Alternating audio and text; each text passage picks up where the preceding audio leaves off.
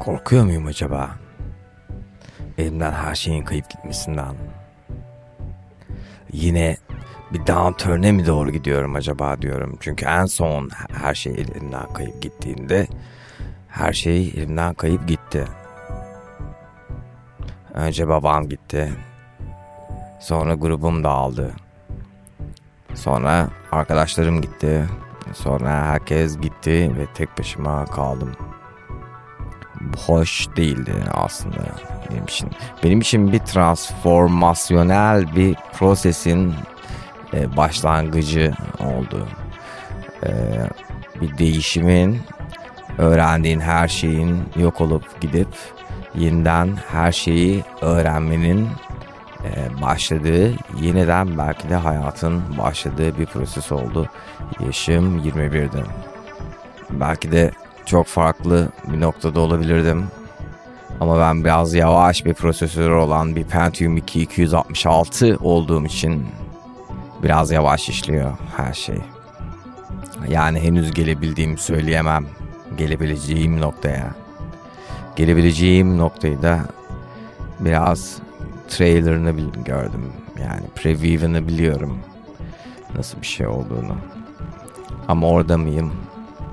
Bu tabii ki de cevabı bilinen soru evet orada değilim.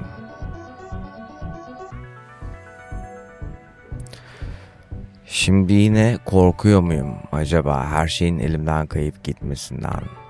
Aslında korkmama gerek yok. Çünkü şimdi çok daha aslında bilinçliyim. Bir şeylerin elinden kayıp gitmesine izin vermeyecek kadar akıllı ve bunun önemini anlayacak kadar da hayatı ciddiye alan biriyim. Tabii ki bu sadece benimle alakalı olan kısmı. Sonuçta ben kendi aklımı, kendi varlığımı, kendi gücümü bir arada her zaman tutabilirim. Bundan şüphem yok. Biz sonuçta G.I. Joe oynayarak büyüyen bir nesiliz. Yani benim neslim. Niye kimse G.I. İle oynamıyordu benim neslimde? Bir tek ben miydim? Acaba demeden edemiyorum kendi kendime. Alırdım tabii ki. Bir tane favori oyuncağım olurdu. Favori G.I. Joe'm. Onunla ben oynardım yani. Ama favori G.I. Joe'mla ben oynayayım da diğer G.I. Joe'larımla oynayın. Kardeşim streaming yokken bizim abimiz bilgisayar oyunu oynardı. Biz de izlerdik stream edermiş gibi. Okuldan kaçıp onun oyun oynayışını izlerdik. Oynadığı oyunun adı Nightmare Creatures 2. Yapımı 97. Muhtemelen 96 belki de.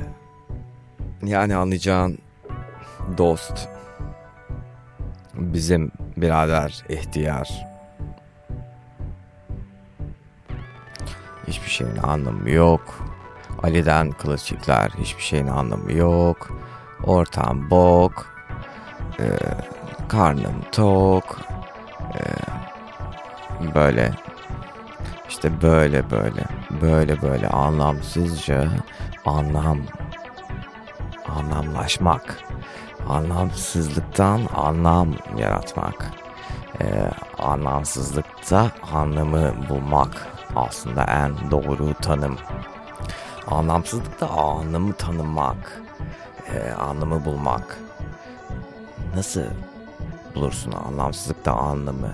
Anlamsız bulduğun şeyi sorgulayarak e, ne mesela anlamsız bulduğum şey A bunu sorguluyorum sorguluyorum çünkü anlamaya çalışıyorum aslında bir kelimeden ben ne anlayabilirim ki o yüzden anlamsızlıkta anlam bulmaya çalıştığımda ben mesela kendime sorarım.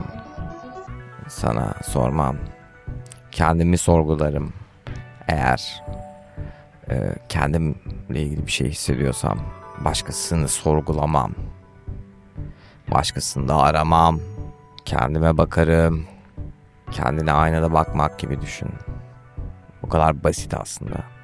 Aynada bakmak değil belki literally ama aynada bakmak gibi. Açıklamama gerek bile yok. Anladın çünkü.